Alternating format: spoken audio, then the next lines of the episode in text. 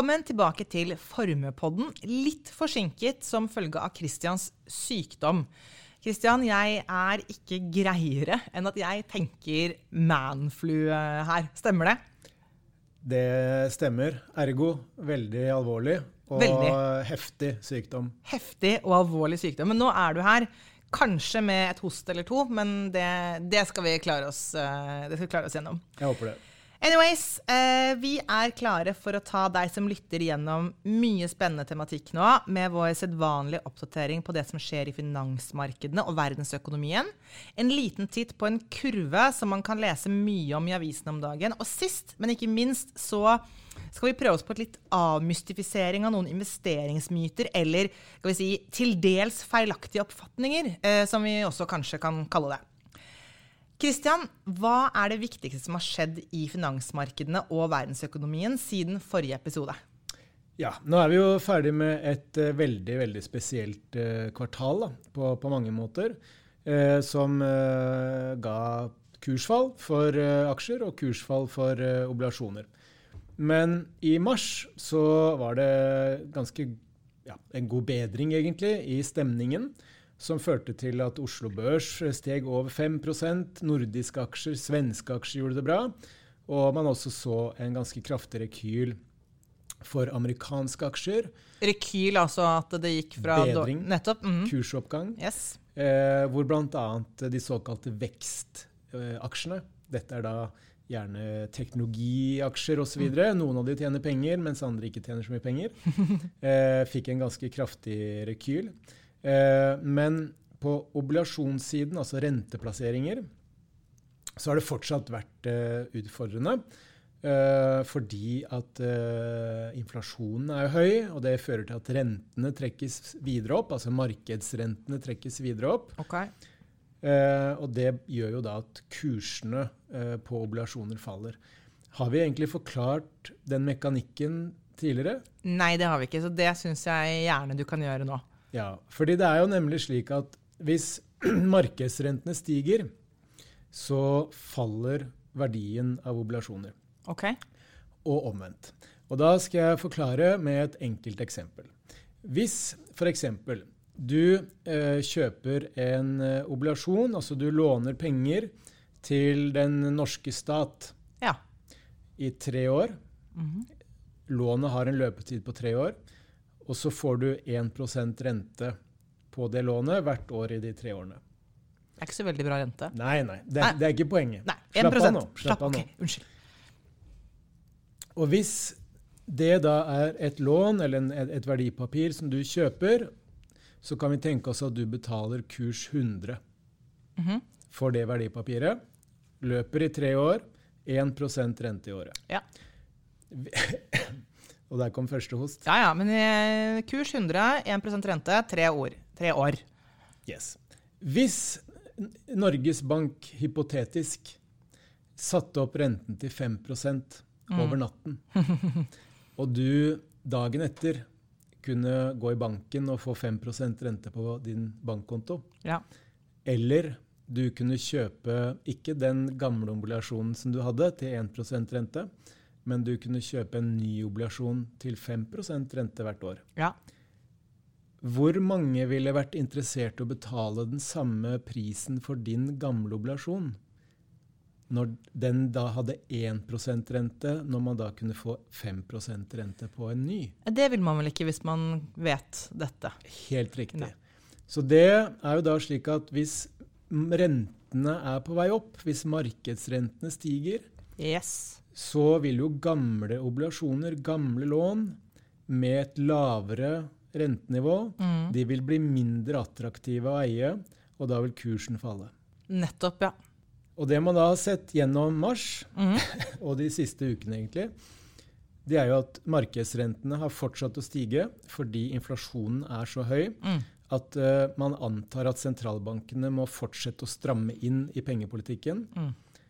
Dvs. Si heve styringsrentene i første omgang. Og det gjelder både i Norge, det gjelder i Europa også. Selv om man har noen utfordringer knyttet til økonomien med råvarepriser og gasspriser og alt det der. Og ikke minst i USA. Det som likevel har vært en positiv bidragsyter for renteplasseringer, det er jo at risikoviljen generelt i finansmarkedene den bedret seg noe gjennom mars. Så markedene er, har mer vilje til risiko nå? Ja, stemningen har vært bedre. Man har Ja. ikke vært så engstelig. Nei, nettopp. Eh, Bl.a. fordi krigen ikke har eskalert og sånne ting.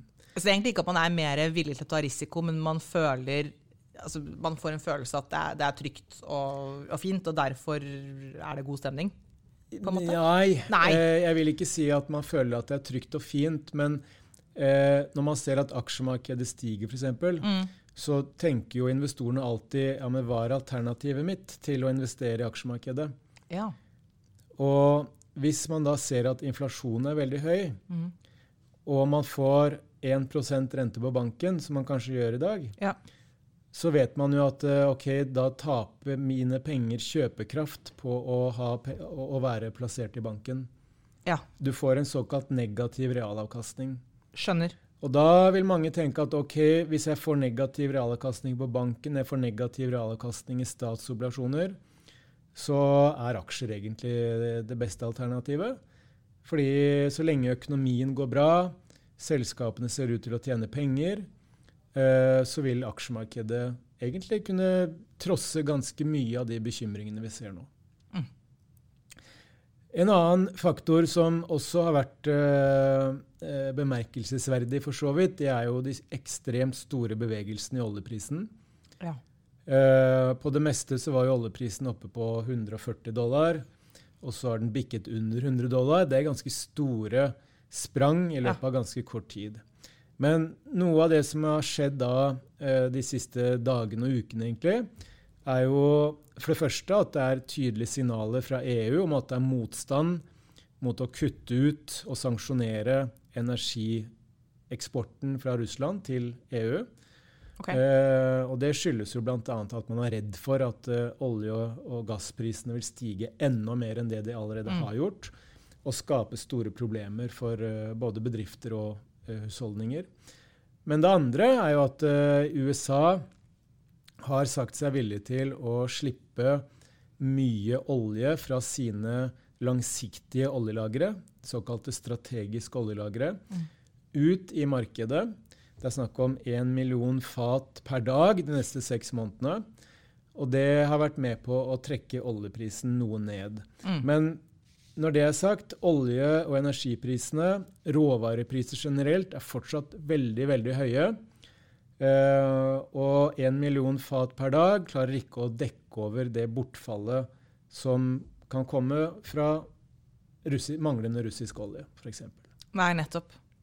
For hvor mange fat er det snakk om der? Vet du det? Ja, eh, Russland produserer rundt eh, 11-12 millioner eh, fat per dag, Ja. hvorav 5-6 eksporteres. Og så importerer jo fortsatt EU noe olje derfra, mens USA og mange andre land har sagt nei. Vi vil ikke eh, støtte russiske myndigheter gjennom å kjøpe russisk olje eh, og gass. Nettopp. Eh, det som også har skjedd, det er jo at den norske krona har styrket seg videre. Eh, mest mot euro gjennom mars, men også bitte lite grann mot dollar. Og det er jo da med på å tynge avkastningen som man oppnår i utenlandske eh, verdipapirfond. Det som også eh, har vært eh, interessant å se på når det gjelder eh, verdensøkonomien, da, og, og, og hvordan eh, ting går der, så har de fleste nøkkeltall fra økonomien eh, vist at eh, ting går fortsatt ganske bra, men at det er noen svakhetstegn å spore. Spesielt gjelder jo det i europeisk økonomi, eh, hvor man nå begynner å se at de voldsomme økningene i energikostnader, eh, olje og, gass, eh, begynner å, tære litt på industriaktiviteten, og det tærer også på husholdningenes evne til å bruke penger på andre ting. Det vi også har sett, er jo at kinesisk økonomi pga. Eh, en ganske betydelig smittebølge med covid Mm. og den nulltoleransepolitikken de har, eh, fører til en, en ganske kraftig oppbremsing i den kinesiske økonomien. Fordi de stenger jo ned hele byområder og regioner ikke sant, for å få kontroll på smitten. Ja, de har lockdown.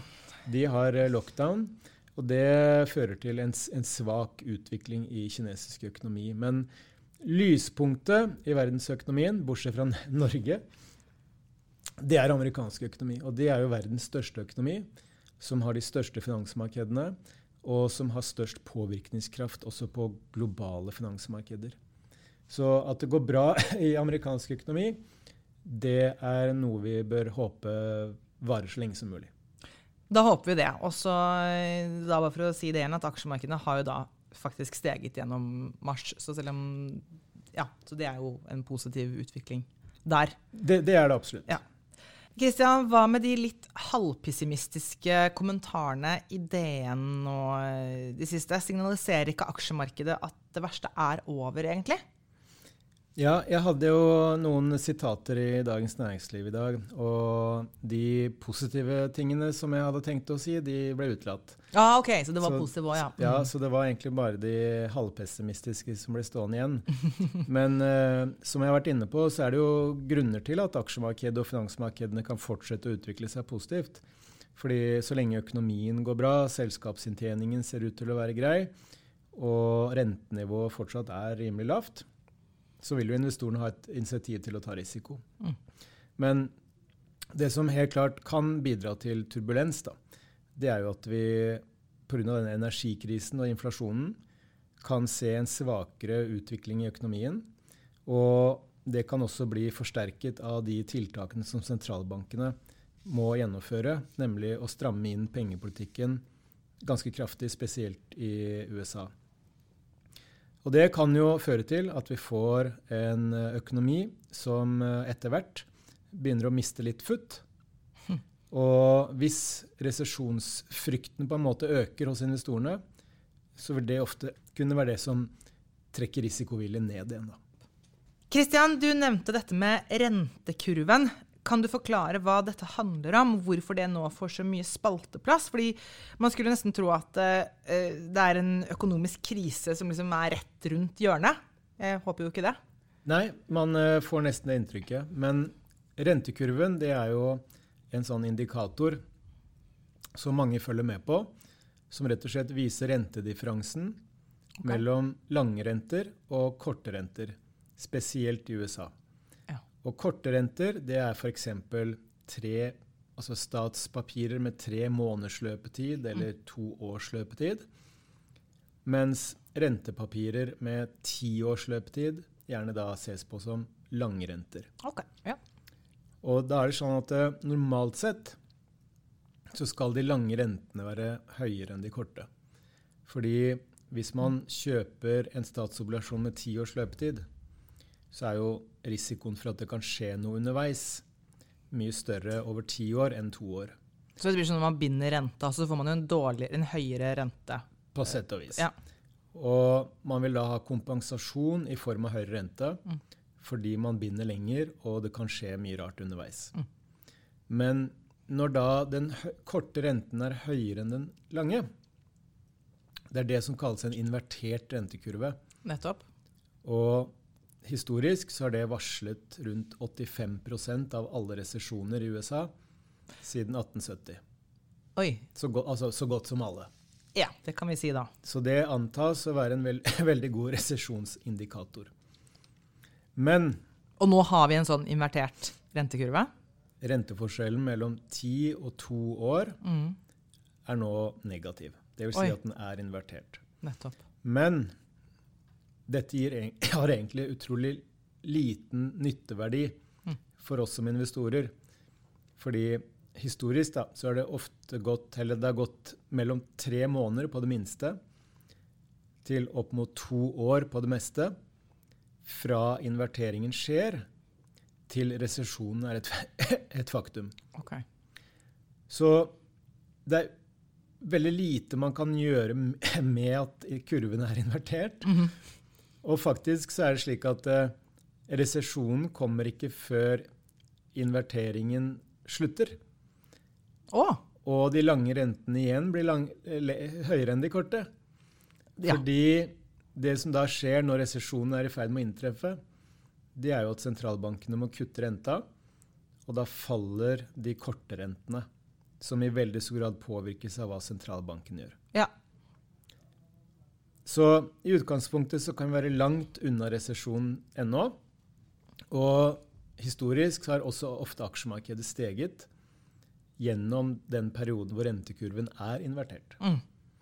Så dette betyr ikke at man skal selge seg ut, eller at man skal løpe og kjøpe hermetikk Eller dopapir. eller dopapir, men snarere tvert imot at ja, man skal egentlig ikke gjøre noen ting. Ok, Så nå har vi da en sånn invertert eh, rentekurve, og historisk så har det, så har det spådd 85% av resesjoner, men det kan være alt fra tre måneder til to år, og ja, ok. Så vi skal ikke, ikke kjøpe hermetikk eller dopapir. Nei. Nei.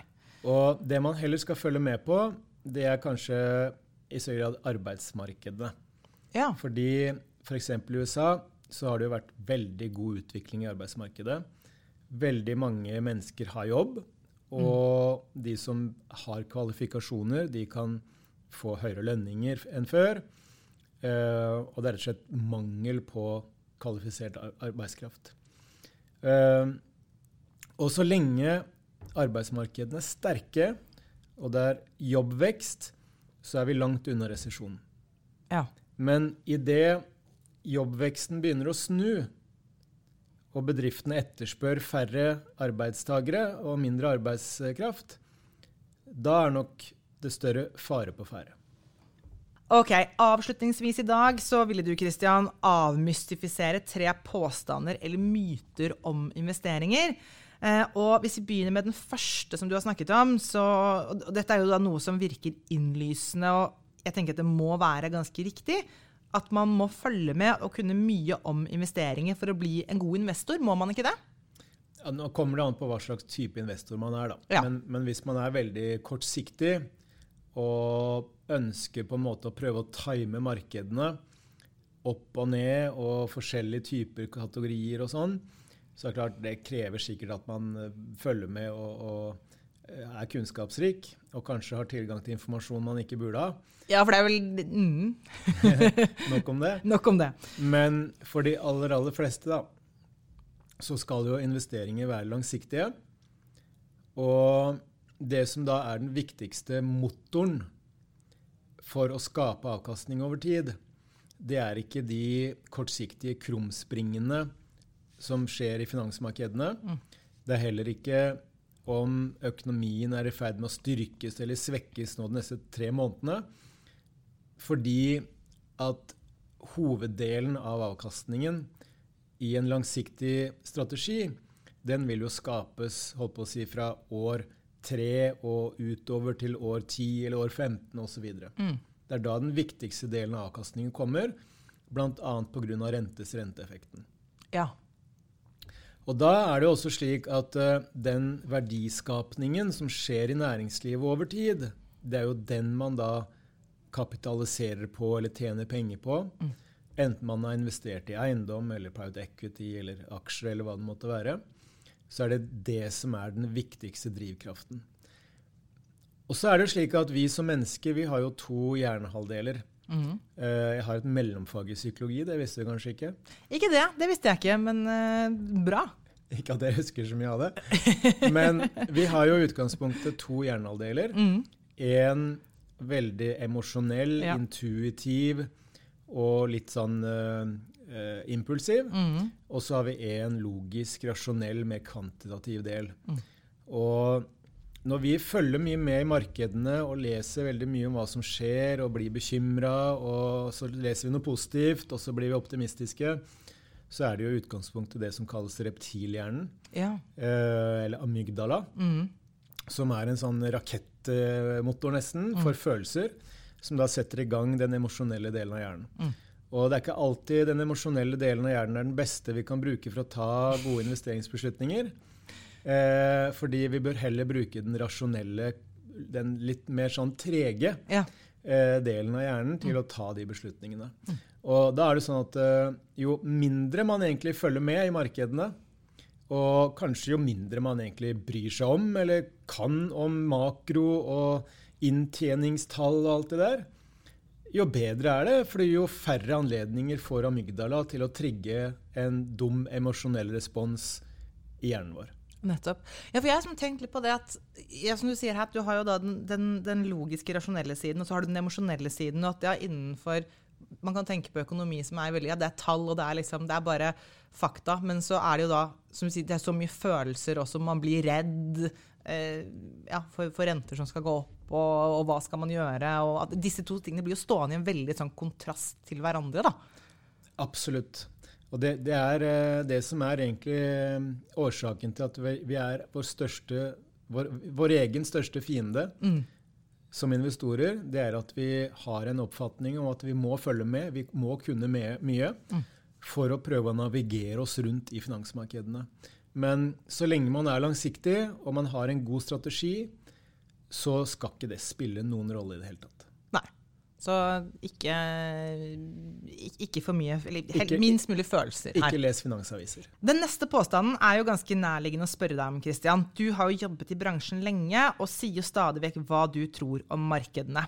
Den andre påstanden den er at analytikere, strateger, forvaltere osv. må ha bedre forutsetninger for å spå hva som vil skje i markedene. Du nikker. ja, ja, for det er et veldig godt spørsmål. Og det er jo noe som veldig mange har forventninger om at uh, sånne gærninger som meg og andre skal ha forutsetninger for å ja, si noe om mm. hvordan ting kommer til å bli. Og det man kan kanskje si, det er jo at uh, for de som jobber mye med dette her, og som har det som levebrød, så har man kanskje litt bedre forutsetninger enn mange andre til å forstå sammenhenger. Og kanskje man har bedre forutsetninger til å se hva utfallsrommet er. Altså hvis det skjer, så kan det føre til ABC. Hvilke muligheter som kan, kan bli. Ja. Mm. Men det er veldig stor forskjell på å spå eller å forstå sammenhenger mm. og se det som på fint kalles kausaliteter, altså hvordan ting henger sammen, og hva som forårsaker noe andre. Én ting eller, forårsaker en annen. Mm. Ikke sant? Og det å faktisk vite med noen form for treff, treffsikkerhet hva som kommer til å skje. Mm. Og jeg syns det er veldig nyttig å bruke en analogi tilbake til det en tidligere forsvarsminister i USA sa, nemlig Donald Rumsfeldt. Okay.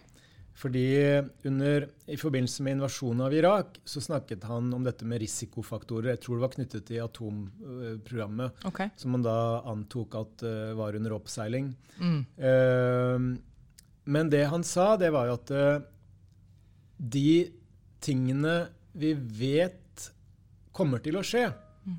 det er det vi kan kalle known knowns. Kjente kjente? Ja. ja. Mens de tingene vi vet om kan skje, men som vi ikke helt nøyaktig vet hvordan blir, det er det vi kan kalle known unknowns. Mm. Men det, hvis vi trekker tilbake til det som var spørsmålet ditt, da, hvordan markedene kommer til å utvikle seg om en måned eller tre eller et år, så vil jo de faktorene som får størst innvirkning frem i tid, det vil kunne være det vi kaller unknown unknowns. Ukjente ukjente. Altså de risikofaktorene da, som vi ennå ikke vet at vi ikke vet om. Ja, nettopp. Og Derfor så er det egentlig umulig for noen å klare å spå markedsutviklingen med noen form for kontinuitet over tid. Fordi den eneste informasjonen vi har i dag, som vi kan bruke som utgangspunkt for spådommer, det er jo den informasjonen som er kjent. Ja.